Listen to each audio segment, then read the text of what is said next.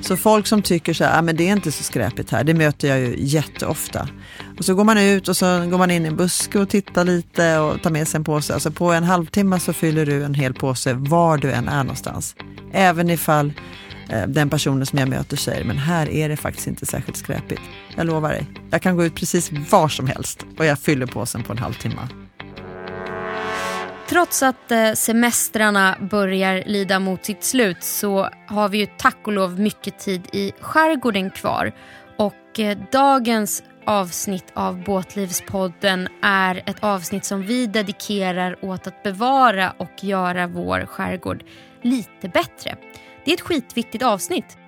Johanna Ragnardt som är VD på Håll Sverige Rent är med oss i studion idag. Vi pratar skräp i skärgården, engångsplast och vad man kan göra för att lämna skärgården lite finare än när man hittade den.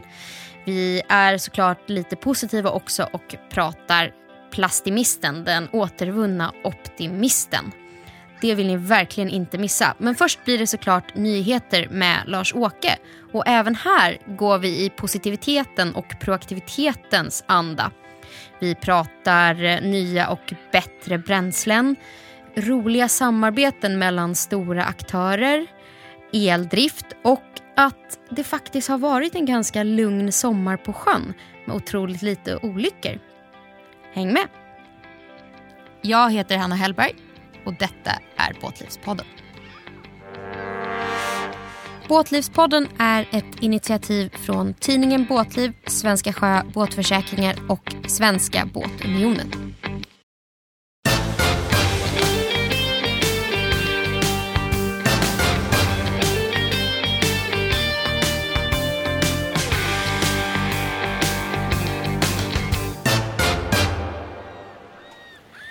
Lars-Åke! Hallå Hanna och god fortsättning på sommaren. Jo men detsamma. Är du tillbaka från semestern? Nej, jag har lite semester kvar så jag gör ett tillfälligt inhopp här för Båtlivspoddens räkning. Ja men vi uppskattar ju verkligen det. Mm. Och du då? Har du också haft semester? Lite granna. Men det jobbiga är ju att komma igång till full fart liksom. När man har legat och puttrat i någon slags fem knop och nu måste öka till 25. Precis. Det är ofta så när man jobbar med båtlivet så får man ta semester på lite andra mm, tidpunkter än vad de som vi kollar på eh, och skriver och gör poddar om och sådär. När de håller på som bäst så får vi hålla på och göra lite jobb. Verkligen. Men eh, jag måste ju ändå säga att det har varit ett tacksamt jobb för oss som då ändå någon slags nyhetsreporter. För det har varit en ganska lugn sommar ur ett så här olycksperspektiv. Ja, verkligen. Jag kollar upp det här. Om man läser Sjöräddningssällskapets eh, pressmeddelande så är det den vanliga eh, blandningen ungefär med hel del motorhaverier, några riggar som har gått sönder och så vidare. Det är precis som det har varit i alla år. Alltså, de flesta båtägare kollar ju inte igenom sin tank innan man sticker ut på semestern och sen så börjar båten röra på sig, kanske det blåser till och då så kommer det upp smuts i motorn och så stoppar den och då ringer de Sjöräddningssällskapet eller gör ett vanligt eh, hjälpanrop. Så att det har varit väldigt lite sånt. Och jag kollade även upp det här med hur många människor som har omkommit på sjön hittills i år. Och det var i och för sig en ökning då, men det var ökning till fyra stycken istället för tre vid samma period förra året. Så det är ju inga, inga dramatiska eh, skillnader. Nej, och det uppskattar väl säkert sjöräddningen. Jag kan ju hinta om det redan nu då. Vi ska faktiskt få besök av Sjöräddningssällskapet i ett kommande avsnitt. Så det är redan bestämt. Så nu lägger jag ut en liten sån här cliffhanger till ett kommande avsnitt. Men från frivilliginsatser till något mycket kommersiellt. Franska Beneteau har startat ett nytt intressant partnerskap. Mm. Alltså Group Beneteau som de heter, det är ju ett jätteföretag och en av världens två största båttillverkare tillsammans med italienska Ferretti Yachts. De har skrivit ett avtal eh, om att börja samarbeta med Vision Marine och det är ett kanadensiskt bolag som kom upp på marknaden för två, tre år sedan ungefär och nu redan har visat en färdig utombordsmotor som drivs med el. Jag tror vi har snackat om den lite tidigare. Till en början så var den här motorn på 180 hästar och nu är den på 200 hästkrafter el. Man kan inte riktigt växla om från kilowatt till hästkrafter tydligen när det gäller el, men de anger att det är 200 hästkrafter och den ska nu börja levereras till konsumenter och kostar då 75 000 dollar plus moms i USA, vilket betyder minst en miljon i Sverige. Det är ganska mycket. Men i alla fall så är det den motorn och liknande motorer från Vision Marine som ska användas av Beneteau. Och de har ganska många varumärken om man säger så. Förutom sitt eget Beneteau så äger de ju Chanot sedan tio år tillbaka ungefär. De äger Prestige, Lagoon, Delphia som finns i Polen. De äger Wellcraft, Fourwinds, Garab i USA. De äger Glastron som också är i USA. Plus några till. Så att det är en jättegrej när Benetor helt plötsligt börjar satsa på elmotorer. Det är väl ganska intressant. Och kul för det här företaget. Det blir verkligen någon slags eh, kvalitetsstämpel är väl för tidigt att säga men en seal of approval att få liksom ett kontrakt med en så stor aktör. Ja, visst. Det måste ju vara liksom ett otroligt uppsving för dem. Men jag måste ta vidare att du sa att den kostar 75 000 dollar, den här 200 hästars motorn. Mm. Om man jämför det med en förbränningsmotor, en modern fyrtaktare. På 200 hästar? Ja, vad kostar en 200 hästars idag? 200 000? Typ. Ja, lite mer, 250 kanske. Ja. Men det brukar vara så där att elmotorerna kostar ungefär fyra gånger så mycket. Sen är de oerhört mycket billigare att köra med och de kostar väldigt lite i service och så vidare. Men alltså investeringen är ju enorm. Jag har tre egna båtar. En av dem så har jag en stor utombordare. Om jag skulle byta till el på den så kanske jag skulle få ha tre ton batterier, någonting sånt för motsvarande räckvidd. Det går ju inte i dagsläget utan det finns ganska mycket kvar att göra för den här industrin. Men det kommer ju säkert att lösa sig på något sätt, eh, fast det tar tid. Ja, och jag antar att nej men Beneteau, gruppen Beneteau har ju en del finansiella muskler som man kanske kan plöja ner i utveckling. Absolut. Så det är väl kanske någonting positivt för utvecklandet av elmotorer. Motorer. Så det hoppas vi på. Mm, och jag tycker egentligen de Beneteau har visat hur man ska göra. De började för två år sedan med att visa en Delphia långsamgående motorbåt. Och sen har de visat både en Beneteau Oceanis 30 och en XS 15, det är en hybridkatamaran. Och alla de båtarna har Tokido elmotorer, alltså det är långsamma båtar som har en vanlig elmotor och en rak axel som driver ut, eller ett segelbåtsdrev då. Och det är ju där man ska börja med de långsamma båtarna. Det är där det liksom snabbt ger effekt och, och fungerar och ganska billigt. Då är det inte alls de prisskillnaderna vi snackar om utan då kanske det är 25 procent dyrare eller samma pris som att sätta in dieselmotor i en båt. Så då är det mycket intressantare och det är smart att börja i rätt ände. Eller hur? Ja, verkligen. Och jag tänkte på det du sa, att det här med att man ska börja med, med långsamma båtar. Ehm, jag har varit ute och seglat en del under semestern. Och det här med att ha båtar som är lätta. Det passar ju väldigt bra med el för det krävs inte så mycket kraft. Segelbåtar. Men någonting som man ofta glömmer är ju att faktiskt tvätta botten. Jag har ju en man som dyker på vår båt varannan vecka och tvättar. Och vi märkte 0,7 knops skillnad med tvättad och inte tvättad båten. Men det är ganska mycket när man sitter där ute på havet. Ja men verkligen. Det var ju över 10 procent då. Ja.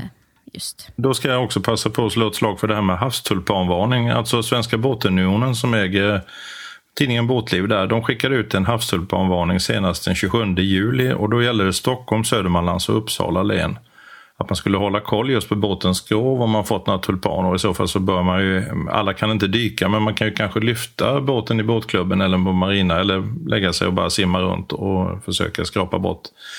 Och det gör väldigt stor skillnad. Dessutom är det ganska viktigt att hålla rent från havstulpaner för de sätter sig ju ända in i plasten med sina kalkavlagringar. Så att om man inte gör det i tid så kan man få problem senare. Ja, nej men precis. Det är väl det efter, inte så vetenskapliga studier antar jag hemma, men eh, två veckor då går det relativt lätt att putsa av. Alltså då kan man så här som man typ skrubbar med en vanlig handsvamp. Lämnar man det längre så blir det mycket, mycket mer jobbigt. Då får man verkligen liksom gnugga och polera botten. Så eh, lär barnen att snorkla och tvätta liksom botten på båten. Absolut. Det går att göra utan tuber, det är, det är bara lite mer av en sport då. Mm. Nej, men det är en bra idé att försöka göra till en liten aktivitet. Om man har familjen med sig och barn och sådär så kan de hjälpa till och få lära sig vad det betyder också. Det är väl smart. Mm. AI minskar utsläpp. Det låter ju som en Expressen-rubrik. Ja, precis. Alltså sån här konstgjord intelligens, artificial intelligence, AI, det kommer in på alla områden i livet snart. Man kan väl inte öppna kylskåpet eller man kan inte ens titta på kylskåpet utan att det vet vad, som, vad det är man vill ta ut från kylskåpet. Men nu kommer ju det här inom båtlivet också och ett smart sätt egentligen är någon ny plattform här som ett Göteborgsföretag som heter Zetasol. De har tagit fram en plattform som heter iHelm. Jag tycker det verkar väldigt intressant. Alltså alla som har seglat lite längre sträckor på öppet hav eller kört med motorbåt långa sträckor vet ju att en autopilot den styr ju mycket, mycket bättre. Eller vad säger du Anna? Det, det är väl rätt svårt att styra lika bra som en autopilot om man ska mer än en sjömil. Ja men verkligen, framför allt så om det är mycket vågor och undanvind då krävs det väldigt dyra autopilot för att de ska vara lika bra som en väldigt duktig rorsman. Men typ halvvind och du ska hålla en rak kurs ute på havet, då är autopiloten hundra gånger bättre skulle jag säga. Helt oslagbar. Ja. Men det här systemet tar den här utvecklingen lite längre. De tar ju in då väderdata så man beräknar strömmar, man beräknar vind och allting. Och ska ett stort fartyg som har speciella egenskaper ta sig i en lång farled eller över ett långt hav där det är lite avdrift och allt möjligt så räknar den ihop allt detta och gör så att man styr på en mycket bättre kurs. Och enligt det här företaget då så ska man kunna minska bränsleförbrukningen i kommersiella fartyg med 10-25 procent. Det betyder ganska mycket för koldioxidutsläppen och så här. Så att det här tror jag är, det är en av många bra vägar som vi har att gå framåt för att minska utsläppen på sjön. Det är ganska smart också. Ja, och om man får vara lite cynisk så är det ju då 10-25 procent ökade marginaler på det fraktfartygen fraktar. Och det borde ju om något tala till ägarna av fraktfartygen kan man ju tycka. Så det är väl ett bra sätt att både skapa ekonomisk vinst och göra någonting bra för miljön. Nu när du beskriver det så låter det ganska likt det som man gör när man routar segelbåtar. Ja, jag misstänker att det kommer nästan därifrån eller någonting. Man har väl hämtat kunskap någon annanstans. Ja, precis, då tittar man ju på vilken väg. Det är ju väldigt sällan den raka vägen från punkt A till punkt B är den snabbaste när man tar i beaktning vädersystem och strömmar. Så det här är ju samma sak, så det är coolt. Det är coolt och det testas alla redan och de har faktiskt testat det i Göteborgs skärgård ett tag och där har de sparat 17 bränsle så att de har lite kvar att skruva på innan de är uppe i de här 2025 men de är på väg. Jag hoppas att det går bra. Ja, men superkul. Men AI, det har man ju även börjat använda inom sjö och flygräddningen. Exakt, det är Sjöfartsverkets operatörer som sitter och lyssnar på VHF-kanalen för det mesta på, på sjöräddningsstationerna. Och de har också fått hjälp av AI, alltså artificiell intelligens. Den används på det sättet att man textar och visar vad som sägs för operatörerna på sjöräddningscentralen och flygräddning är det också i Göteborg. Inom en sekund får de upp detta i text. Det är ju ganska häftigt. Och det gäller speciellt eh, vissa ord som man använder i sådana här sammanhang. Mayday, SOS, hjälp, sinking och några andra ord översätts direkt och markeras väldigt tydligt så att man inte kan missa det på en skärm. Tycker det verkar vara ett ganska klokt sätt att använda AI. Man får vara försiktig så man inte blandar in det här i, överallt i livet men eh, om man gör sådana här förändringar så är det ju verkligen bra. Jag tänkte precis säga, det här är väl en gång man kanske verkligen vill att storebror ser en när man är i sjönöd. Ja, verkligen. Då har man stor nytta och det kan säkert rädda liv också. Jag var iväg på en pressresa här i början av sommaren och såg på lite nya skärmar utav det som kommer det närmaste året eller kanske två åren. Och man kan säga att utvecklingen går dels mot att det blir lägre men mycket bredare skärmar och flera skärmar i, då snackar vi nya, nya båtar som byggs. Men också att man vill ta in precis all information i skärmarna för att det blir billigare. De behöver bara dra några få sladdar istället för att hålla på med knappar överallt. Och det är väldigt häftigt och det är intressant och det är spännande utveckling att följa men personligen förstår jag detta men jag tycker inte att det är helt bra. Alltså vissa funktioner som ja, vindrutetorkare och sådana här banala grejer, kanske ankarspel och sånt. Det vill man ju bara ha en liten knapp att trycka på så händer det någonting. Inte gå genom menyer och trycka sig fram om det kanske är dåligt väder och vatten på skärmen och sådär. Men vi får se vad de tar oss. Det handlar om pengar till slut det här också. Ja, det låter ju som att man går mot en Tesla-interiör i båtarna om allting styrs från en och samma skärm. Jag är inte säker, jag är nog med dig där, jag är inte 100% övertygad. Jag tycker att det är snyggt när man slipper ha sex displayer och kan samla allt på en. Men eh, jag håller nog med om att ankarspel och såna grejer som inte behöver display i vanliga fall kan få ha sin knapp kvar. Alltså jag var ute i en motorbåt här, nu är det väl två, tre år sedan så det var ett ganska tidigt system. Men då skulle vi sätta på värmaren, det var sent på hösten. Det skulle ha igång en vanlig sån funktion som att sätta på värmaren i båten, en dieselvärmare. Och det gick inte. Varken vi eller den som ägde båten kunde hitta det här i alla menyerna. Och vi sökte och vi googlade och allting. Fick inte igång värmaren utan vi satt där i, i en igenimmad båt. Och ganska kallt var det också. Men eh, nästa gång kanske det funkar. Förhoppningsvis. Det är ju en sån grej som jag har funderat på. Kommer man komma ifrån dieselvärmare till något annat sätt att värma upp båtarna smartare? För vi pratar ju om elmotorer, men att värma båtar gör vi fortfarande med diesel oftast. Ja. Även segelbåtar. Det fanns ju förr sådana små kaminer man kunde elda med ved Det finns fortfarande och kol och koks men det är väl inte heller sånt man vill hålla på med egentligen ute på sjön. Jag vet faktiskt inte. Mycket av värmen i en båt som är under gång den får man ju av spillvärme från motorn när man kör upp den i system och kör ut den med fläktar i båten. Och det försvinner ju också om man går över till eldrift. Samtidigt så behöver man ju värme både för säkerhet och komfort och så vidare i båten. Det är väl ytterligare en sån här sak som man måste testa. Om man läser biltester när de är ute och, och eh, testar elbilar, eh, motorjournalisterna och tillverkarna, så stänger de ju ofta av alla sådana här system för att få ner förbrukningen så mycket som möjligt eftersom det drar ganska mycket. Och i en båt som har massa kallt vatten under sig så kan man ju enkelt räkna ut att det går åt betydligt mycket mer energi för att producera värme då än vad det gör i en vanlig bil. Så att ytterligare en liten vinkel på det här med utmaningar för elmarknaden. Mm. Nej, det är inte kul att frysa på havet. Vi får se om det finns någon bättre lösning på det. Det man kan säga är att en dieselvärmare drar ju väldigt mycket mindre diesel än att driva hela båten på diesel. Så att, ja, man kanske får välja sina strider just nu i alla fall. Vi pratade lite om Tesla som då är kanske ett eh, modernt uppstickarbilmärke. Men det finns ju en lite mer etablerad och lite mer old school tillverkare som har gett sig in i det här med motorer. Och det är ju Rolls-Royce. Exakt. De flesta ju, tänker nog som du sa där just nu att Rolls-Royce de byggde gamla bilar och nu bygger de moderna lyxbilar. Men de är ju också väldigt stora inom produktionen av flygplansmotorer med en av världsledarna och de är väldigt stora på system för att driva fram båtar, både sådana här poddar och eh, ja, alla möjliga olika framdrivningssystem. Och därför finns det direkt koppling för dem att gå in på marknaden för att ta fram nya bränslen för båtar också. De är inne för att försöka få fram eh, vätgasproduktion. Och de har till och med börjat ett eh, samarbete med ett tyskt företag där de har gått in ordentligt eh, med mycket ekonomi och pengar för att eh, ta fram detta. De heter Holler Electrolyzer. Det låter ju väldigt tyskt. Och det är ett uppstartföretag som ska ta fram sådana här vätgasstackar som man ska kunna sätta i fartyg i första hand. Och det är klart, det är bra även där. Det gör stor skillnad om man sätter det i stora konsumenter istället för fritidsbåtar. Men jag tycker det är väldigt intressant. Nimbus som ju är ett svenskt företag, de hade faktiskt eh, vätgasprojekt på gång här för 7-8 år sedan. De skulle sätta det i en vanlig båt i 35-40 fotsklassen. Alltså kostnaden, merkostnaden var 7-8 miljoner för en båt i den storleken om man skulle förse den med vätgas. Sen var det väldigt billigt att driva den och restprodukten när man kör vätgas är ju vatten i princip. Så att det har sina fördelar men även där så bör man nog utveckla ganska mycket mer.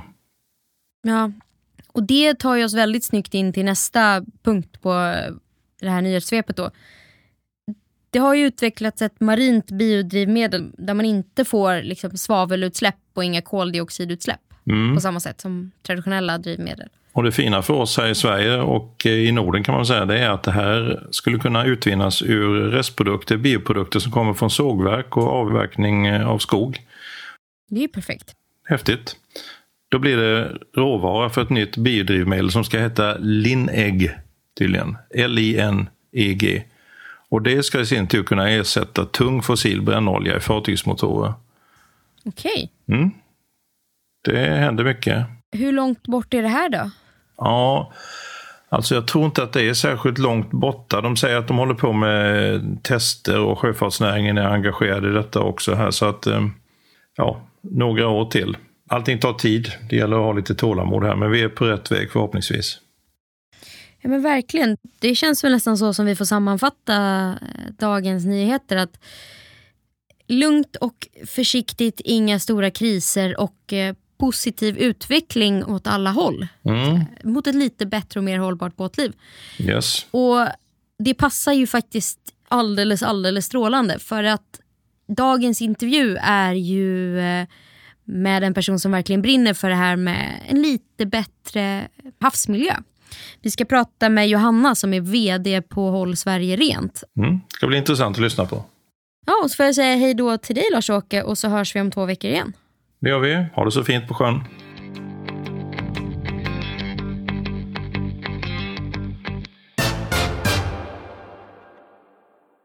Hur kommer det sig att när man är utomhus och vid vattnet att det känns som att man slänger allt? Det är petflaskor, det är engångsgrillar i soptunnor men när man är hemma så är man minutiös. Hemma har vi liksom fem olika sopkärl. Varför gör man inte det när man är out and about? Ja, Det är en bra fråga tycker jag. Eh, Och varför gör vi inte det? Jag, jag tänker att det beror på att vi inte har krävts på det. Alltså det finns ju inte möjlighet att sortera utomhus, så att inte i parker heller. Utan eh, åker man utomlands så är det ju ofta källsortering i papperskorgarna i parker eller på flygplatser eller ja, du vet, var man än är någonstans. Men i Sverige så har det inte funnits eh, lag på det. Så att det beror på kommunen faktiskt. I vissa kommuner och i vissa stadsdelar i Stockholm så kan du se sortering. Men det är absolut inte överallt. Eh, och då skickar man ju väldigt luddiga signaler till medborgarna. Så säger man så här, ja men du får sortera hemma ska du göra det, ute spelar inte så stor roll. Men det måste ju vara ett, ett jätteproblem. Speciellt i Sverige när alla... Vi har ju ett fantastiskt land med mycket allemansrätt och vi är mycket ute i naturen. Och då blir det ju skräp. Liksom. Mm. Det praktiska problemet med det är när, man, när du sorterar i olika fraktioner som det heter, då blir det ju inte så stora materialströmmar. Och då ställer det krav på den aktören som ska hämta skräpet. Alltså det kanske blir jättemycket plast och jättelite papper och sen ska de ändå hämta det. Är du med? Så att de har svårt att balansera liksom, det praktiska runt det. Men eh, jag tror ju också att det där lite, blir som en hönan eller ägget fråga. Jag menar om man då börjar att ställa krav på att man ska sortera överallt, då kommer ju materialströmmarna öka. Då kommer det bli mer skräp, sorterat skräp. Och då kommer vi få mer material som vi också kan återvinna. Men nu var det en grej som jag reagerade på. Det finns alltså inte en nationell standard för hur man ska sortera. Nej, alltså eh, det här med källsortering i hemmet, det handlar ju om att det, det är ett producentansvar. Så producenten är ansvarig för att se till att förpackningarna kommer tillbaka. Och det handlar egentligen bara om förpackningar, inte allt annat skräp, utan det är förpackningar. Så att där du bor, där ansvarar producenterna för det. Så de betalar ju för det systemet. Så att det här när man åker och lämnar sina, om du bor i en villa och åker och lämnar dina förpackningar i de här gröna Metall... ja, de här tun Kärlen, tunnorna ja. liksom. Det bekostas av producenterna, förpackningsproducenterna tillsammans. Men, men kommunerna är ju ansvariga för sophantering i sin kommun och de är ansvariga för miljöfrågorna i sin kommun. Och det skiljer sig. Vi har jättemånga kommuner i Sverige och man får göra precis som man vill. Men det är klart att det finns en nationella krav på att vi ska agera liksom, enhetligt. Vissa kommuner som också har en stor del av skärgårdsmiljöerna, de har jobbat med källsortering. Så där finns det faktiskt kärl och de har blivit bättre på att hämta. Ja, det, det är betydligt mer komplicerat än man kan tro. Ja. Skitviktigt men också skitsvårt. Ja, Jag kommer förmodligen, jag är ju liksom halvgöteborgare, jag kommer säkert dra den här skitanalogin flera gånger under det här poddavsnittet och jag ber på förhand om ursäkt. Nej. Men då undrar man ju, slänger folk olika saker i olika regioner? Alltså är det olika typer av skräp som hamnar i papperskorgarna beroende på var man är? det är olika typer av skräp som vi hittar när vi gör våra skräpmätningar. Eh, Och det är ju sånt som inte hamnar i papperskorgen. Okej. Vad som hamnar i papperskorgen det har jag faktiskt lite svårt att svara på. Um, men det är olika typer av skräp. Är det ju. Så att talar man västkusten och kustlinjen, då är det otroligt mycket plast som inte kommer ifrån Sverige. Som kommer utifrån, som kommer med strömmar och annat. I Östersjön har vi andra problem. Uh, där är det ju nästan bara skräp som hänger ihop med vår egen konsumtion. Alltså sånt man stoppar i munnen brukar jag säga. Alltså det som du, när du röker, snusar, äter, dricker. Den typen av skräpföremål hittar man. Och påsar förstås. Och det gör det på västkusten också, det är bara att det blir en mindre i relation till de stora mängderna av plastföremål som kommer in utifrån. Och det är också en blandning kan man säga, det som kommer in. För det är ju, delvis är det konsumtionsskräp där också ifrån alla möjliga länder. Polen och Holland och ja, Danmark och Tyskland och England och allt möjligt. Men sen är det också en del fiskeriskräp. Mm. Gamla backar, Fiskenät. fiskenät, ja den typen. Ja, det här är väl en perfekt inledning på en av era hjärtefrågor. Kuststädning. Det håller ni på med mycket. Mm, det gör vi. Och om man vill engagera sig i det för att man bor nära kusten eller bara upplever att man vill ha en vacker och ren kust som inte är skräpförorenad. Kan man prata med er då och hjälpa till? Då kan man bli en kusträddare och det är inte svårare än att du sätter igång och städa din del utav kusten. Ta, ta med sig en påse och gå ut och plocka. det är inte svårare än så. Men Vi har kampanjdagar och det är väl det man kanske kopplar ihop oss mest med. Alltså att vi gör skräpplockarkampanjer. Till exempel Kusträddardagen som vi har haft historiskt sett nu på våren, en dag. Och då får, samlar vi ihop sådär 100 000 personer som är ute och plockar skräp faktiskt och samlar upp det. Och sen har vi en på hösten och i år är det 17 september. Och då kan ju alla gå ut. Och poängen med det är ju inte att, att vi städar Sverige, utan poängen är att man sätter fokus på frågan, vi visar faktiskt hur det ser ut. Så folk som tycker så här, ah, men det är inte så skräpigt här, det möter jag ju jätteofta. Och så går man ut och så går man in i en buske och tittar lite och tar med sig en påse. Alltså på en halvtimme så fyller du en hel påse var du än är någonstans.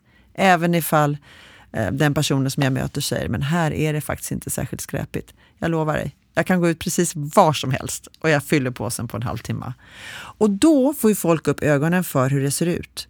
Och det är liksom själva idén med att vi gör alla de här aktiviteterna. För att har man väl fått upp ögonen för dem, då börjar man förstå att det här är faktiskt ett problem av större dignitet än vad man hade kunnat tro. Så ni synliggör problemet. Ja. Och nu kanske vi, vi har ju tassat som katten runt het gröt här. För vi har ju redan hoppat rakt in i det här samtalet som vi alltid tenderar att göra. Men vem är det jag har med mig i studion? Mm, just det. Ja, Johanna Ragnards heter jag och jag är VD på Håll Sverige Rent sedan sju år tillbaks. Ah. Så du har ett riktigt skitjobb? Jajamän. Eller som mina barn sa när jag fick det, va? Ska du bli skräptant? Skräptant. Eller så jobbar du för att slippa bli en skräptant. Exakt, så är det. Men förutom det här med kuststädning och att synliggöra problemet, vad jobbar Håll Sverige Rent med? För de som inte vet. Mm.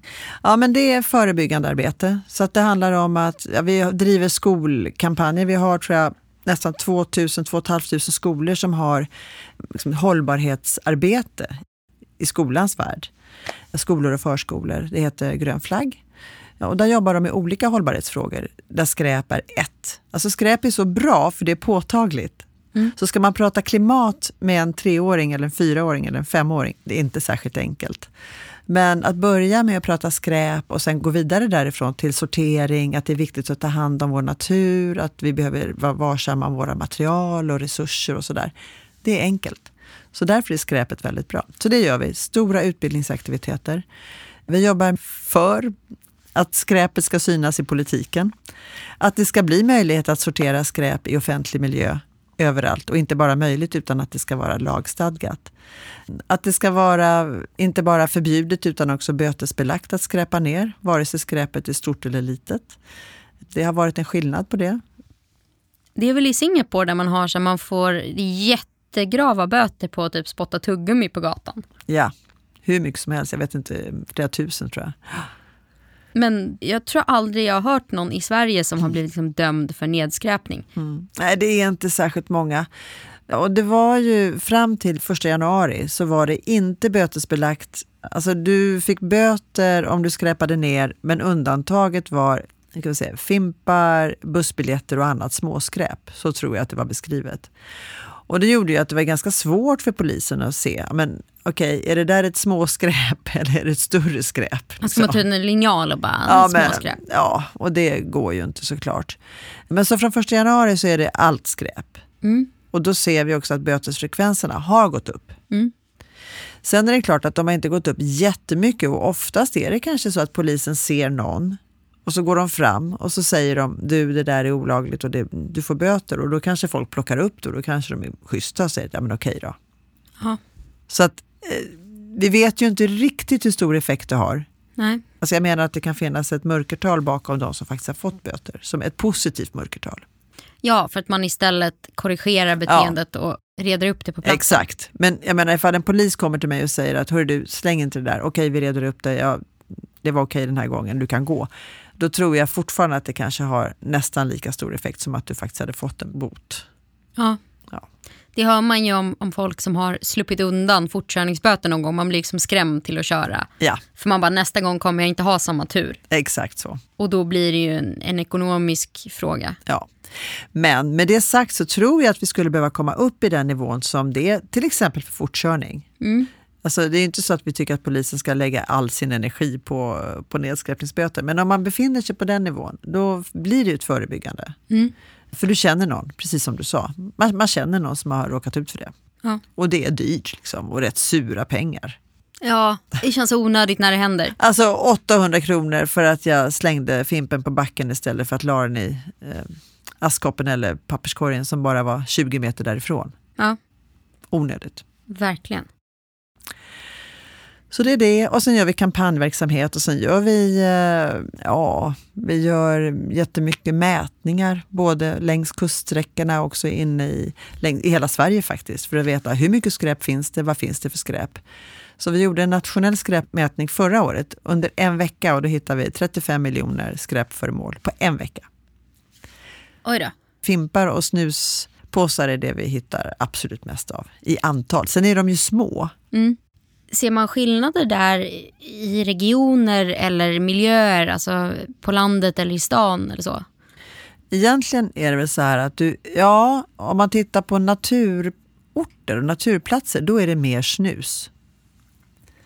Faktiskt, så det verkar som att de som är ute i den vilda naturen, om vi får kalla den så, snusar till högre del än vad de röker cigaretter.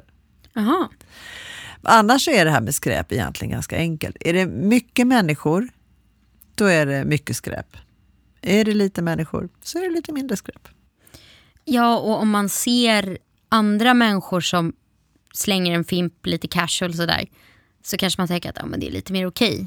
Men om det är rent och oförstört så vill man liksom inte, det är som den här första borrhålet i väggen hemma, man vill inte vara ja. den som sätter det. Men är det redan håligt och halvtaffligt spacklat så kan man lika gärna göra några till. Exakt så är det. Och det är inte ens att du behöver se någon slänga en fimp utan det räcker att den ligger där. Ja. Så är miljön rörd. Och därmed så är det lättare för dig att du också kastar. Mm. Så det är ett annat argument till att faktiskt att vi ska städa och hålla rent. Det är att det tenderar att hålla sig så längre. För man möts ofta av det här, ja men det är inte så skräpigt i Sverige. Nej, det är sant, det är inte det. Därför att vi städar. Så vi lägger två miljarder ungefär per år i att städa. Och det är klart att man kan hålla det rent ifall man har obegränsade resurser att hela tiden städa. Men eh, det är ju svårt i avlägsna miljöer. Nu vet vi att haven är särskilt utsatta för att eh, om man tänker plast, det är lätt. Så det blåser ju ner i vattnet och försvinner inte. Där kan du inte, du kan inte städa dig till ett rent hav, det är omöjligt.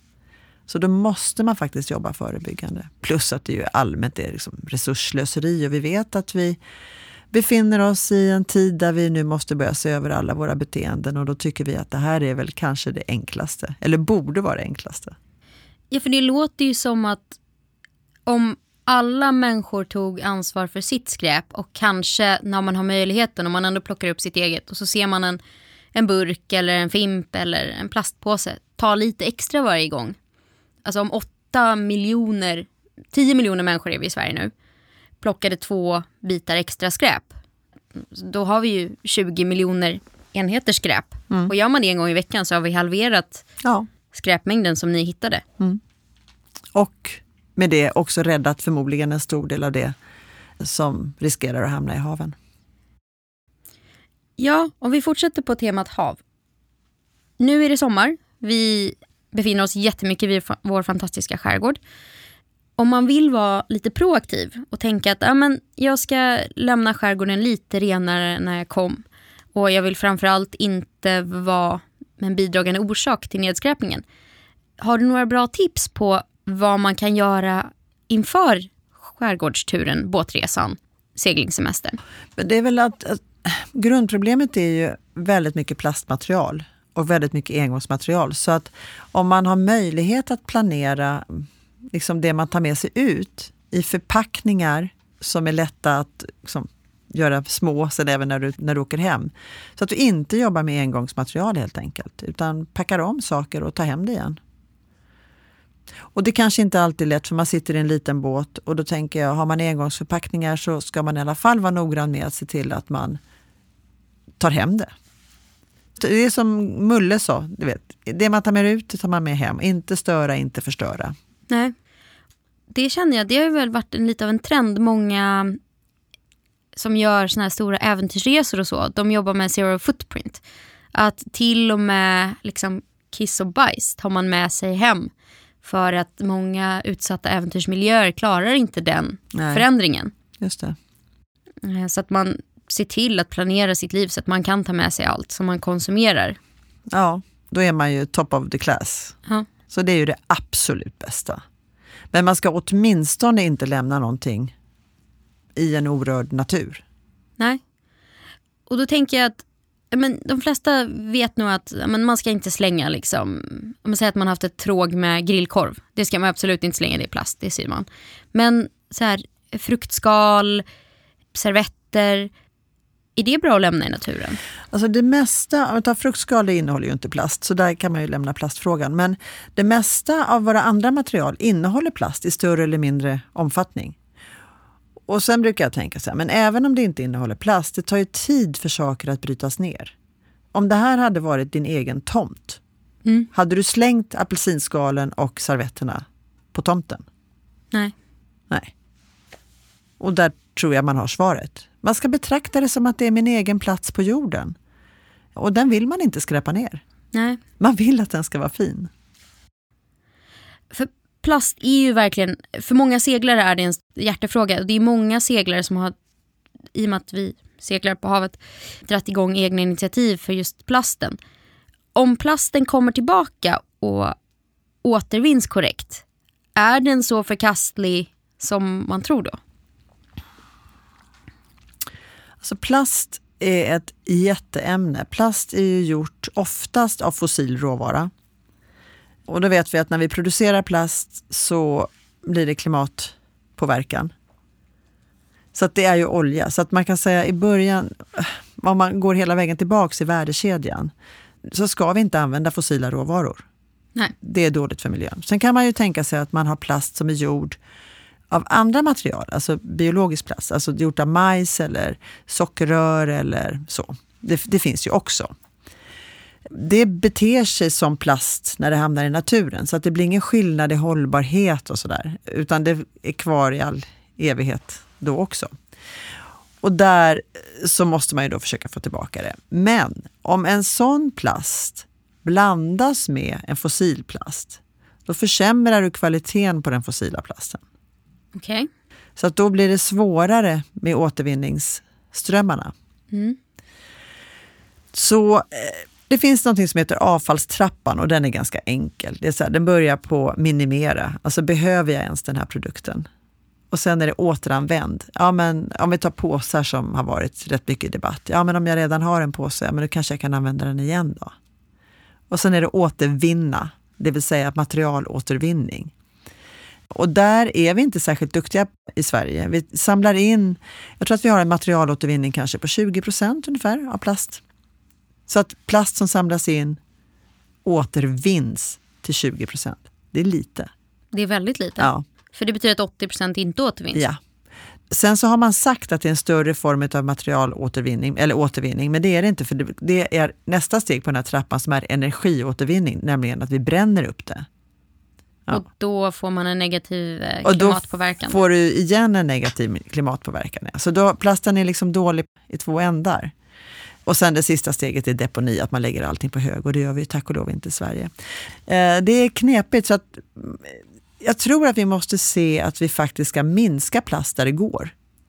Sen finns det ju som sammanhang där det är väldigt bra med plast. Och det finns flöden som är superbra och där vi verkligen har fått till det. PET-flaskor.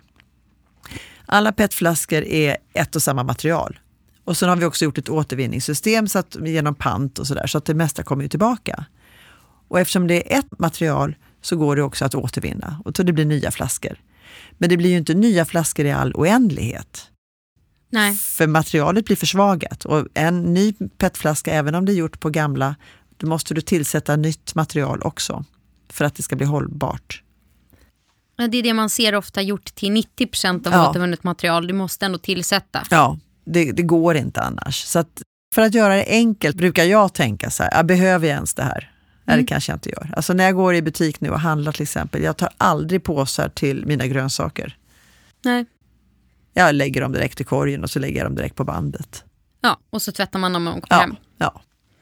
Men det här är min fråga. Alltså så här, ekologisk, eh, nu kommer vi väldigt långt från båtlivet här. Ja. Men eh, ekologiska grönsaker ligger ofta plastförpackade. ja. Och då blir man så här, men Varför? varför? Typ paprikor. Så ligger de förpackade tre stycken i en så här prasslig Mm. plast som absolut inte går att återanvända. De här plastpåsarna som man hade i mataffären innan, bara för några år sedan, de går ju att återanvända ganska länge. Liksom. De Mm. håller ju sin integritet ganska bra. Men den här flimsiga plasten är ju helt Mm. katastrofal. Ja, nej men så är det. Och då är det vad jag försökt säga att en del av den plasten är faktiskt bra. Så man tar ett sånt här paradexemplet brukar vara ekologisk gurka. Mm. Då tänker man så här, ska jag köpa en svensk gurka ekologisk som är plastad? Det känns ju helt fel. Mm. Men det gör att hållbarheten på gurkan förlängs med kanske tre veckor. Mm. Och då får man mycket mindre matsvinn. Mm. Och matsvinn är ett jättestort annat problem som vi har, som vi måste lösa. Så att, eh, ja, det är hela tiden, ingenting är enkelt faktiskt i den här frågan. Och sen är det väl konsumtionsdrivet att om ingen köper eh, petflaskor med vatten utan man tar en återvunnen plåtflaska och fyller på den istället så minskar ju liksom eh, Mängden, efterfrågan. Ja, och precis. Så är det ju. Så att det är vi själva som bestämmer. Och eh, hela den här plastproblematiken, om vi återgår till haven, så är väldigt mycket av det har ju kommit ifrån hela matindustrin, livsmedelsindustrin. Och i Sverige kan man ju tänka, om man behöver bara gå tillbaks till ja, 80, 80-talet kanske. Eh, Början på 80-talet, alltså då var det regel att du åt tre mål mat hemma. Mm. Så frukost, lunch och middag, då åt man, man åt lunch i skolan eller på jobbet. Och sen så, så. Men det var ju ganska standardiserat. Men nu då är det ju som 24 timmars tillgång på mat och dryck. Mm. Eh, och man äter och dricker lite överallt och hela tiden. Mm. Och det är klart att tillgången gör ju också att möjligheten att skräpa ner ökar. Ja. Så utbudet spelar ju roll och våra beteenden spelar roll. Så på något sätt så har vi inte riktigt hängt med för våra system, de är byggda efter den här klassiska strukturen. Mm. Och då kan man säga, då är det ju jättebra att vi har jobbat med källsortering i hemmet för att det bygger på det. Men nu när vi rör oss i alla utemiljöer, ja men då måste ju systemen hänga med. Mm. Och det gör de inte. Så att vi har ändrat vårt samhälle, vårt sätt att leva och bete oss. Men systemen hänger inte riktigt med. Så vi måste hitta alternativa sätt att lösa. Ja, För det är ju ett material som har revolutionerat mycket. Det är ett lätt material och det är praktiskt och det är formbart och det går att Ja. göra nästan vad som. verkligen. Men det är liksom rätt, rätt, det är så svårt att säga, rätt plast på rätt plats. Mm. Så är det ju. Men jag vet att någon, någon brukar alltid dra exemplet, måste vi ha såna här blå hettor på skorna när vi går in på dagis? Kan vi inte bara ta av oss skorna? Ja. Alltså, så varför hela tiden öka upp? Varför lägga på hela tiden? Det går också att ta bort. Ja. Och sen finns det väl vissa fall där så här, engångsplasthandskar i sjukvården, det kanske inte är där vi ska börja. Nej, självklart inte. Det får Nej. ju vara. Så det är det jag menar, så de små stegen och där det är möjligt, Ja. där ska vi göra förändringar. Ja. Det här med plastrevolutionen, det har ju också det har gått rätt fort. Mm. Mitten på 90-talet, då var papperspåsen det mest föredragna alternativet i amerikanska livsmedelsbutiker. Mitten på 90-talet. Så det är vadå, 25 år sedan. Mm. Och där vände det. Och sen blev det plast. Så att det har gått fort. Men man kan ju tänka, går det fort åt ena hållet kan det ju gå fort åt andra. Nej, men så det här med plast, det känns ju som en, en svår nöt att knäcka. Men ni har ju ändå en del kul initiativ där man på något sätt gör det bästa av en dålig situation. Bland annat så har ni ju byggt eh, min absoluta favoritbåt i hela världen, Optimisten. Ja, namnet bara är ju bra liksom. Plastimisten har ni. Vi gjorde ett projekt där vi samlade in plast på västkusten, sån plast som bara flyter in. Och sen hjälpte Chalmers oss att göra ett material så vi kunde bygga jollar helt enkelt. Mm. Mm, optimistjollar av dem. Så vi byggde, jag tror det var fem stycken Mm. plastimister av insamlad havsplast. Och de här seglar nu, de här små plastimisterna. Mm, det gör de. Vi hade en tävling och så fick eh, olika seglarklubbar tävla om dem. Så nu finns de lite överallt i Sverige, så de är ute. Och det är väl kanske ett toppen sätt att börja på att få barnen, för det är ändå de som någonstans ska växa upp och få ett bättre beteende. Ibland kan man ju tycka att vi vuxna är liksom hopplösa fall, men barnen om man lär dem från början att nej, men man har med sig sin återvinningsbara vattenflaska, eller eh, inte engångsflaska. Många barn och vuxna i och för sig tycker om söta djur och de mår inte bra av plast och visa på det. Är det liksom vägen framåt tror du? Att utbilda? Det är ganska roligt. Vi tittar ju på vem som är med i våra kampanjer och vem som liksom responderar på våra budskap och sådär. Och det är ju framförallt kvinnor Mm. eh, och eh, lite äldre. Mm. Så. Och de vi har svårast att nå, det är män i alla åldrar faktiskt. Framförallt kanske yngre män. Och så har vi gjort lite djupintervjuer och försökt att borra i den här frågan kring nedskräpning och säga, men vad, vad är det? Varför är det inte ett engagemang och sådär? Och vad är det som kan göra att ni förändrar era beteenden? Och då, det som var det absolut starkaste, det är påverkan från barnen. Mm. Så om barnen kommer hem och säger att äh, men pappa det här duger inte, nu måste vi faktiskt göra någonting åt det här. Då är man beredd att göra skillnad. Så jag tänker att alla män kan försöka tänka på sina barn de har omkring sig. Utan att barnen behöver tjata. Man kan ju göra det till en, en kul aktivitet på Klippan. Att vem samlar mest skräp i familjen? Ja, du vet man kan ha olika kategorier. Konstigaste skräpet, Ja. dyraste skräpet. Ah. Men som man nu har lyssnat på det här och blivit lite inspirerad att bli en, en skräpplockare, en eh, vardagshjälte och känner att man vill vara med på eh, skräpplockardagen den 17 september.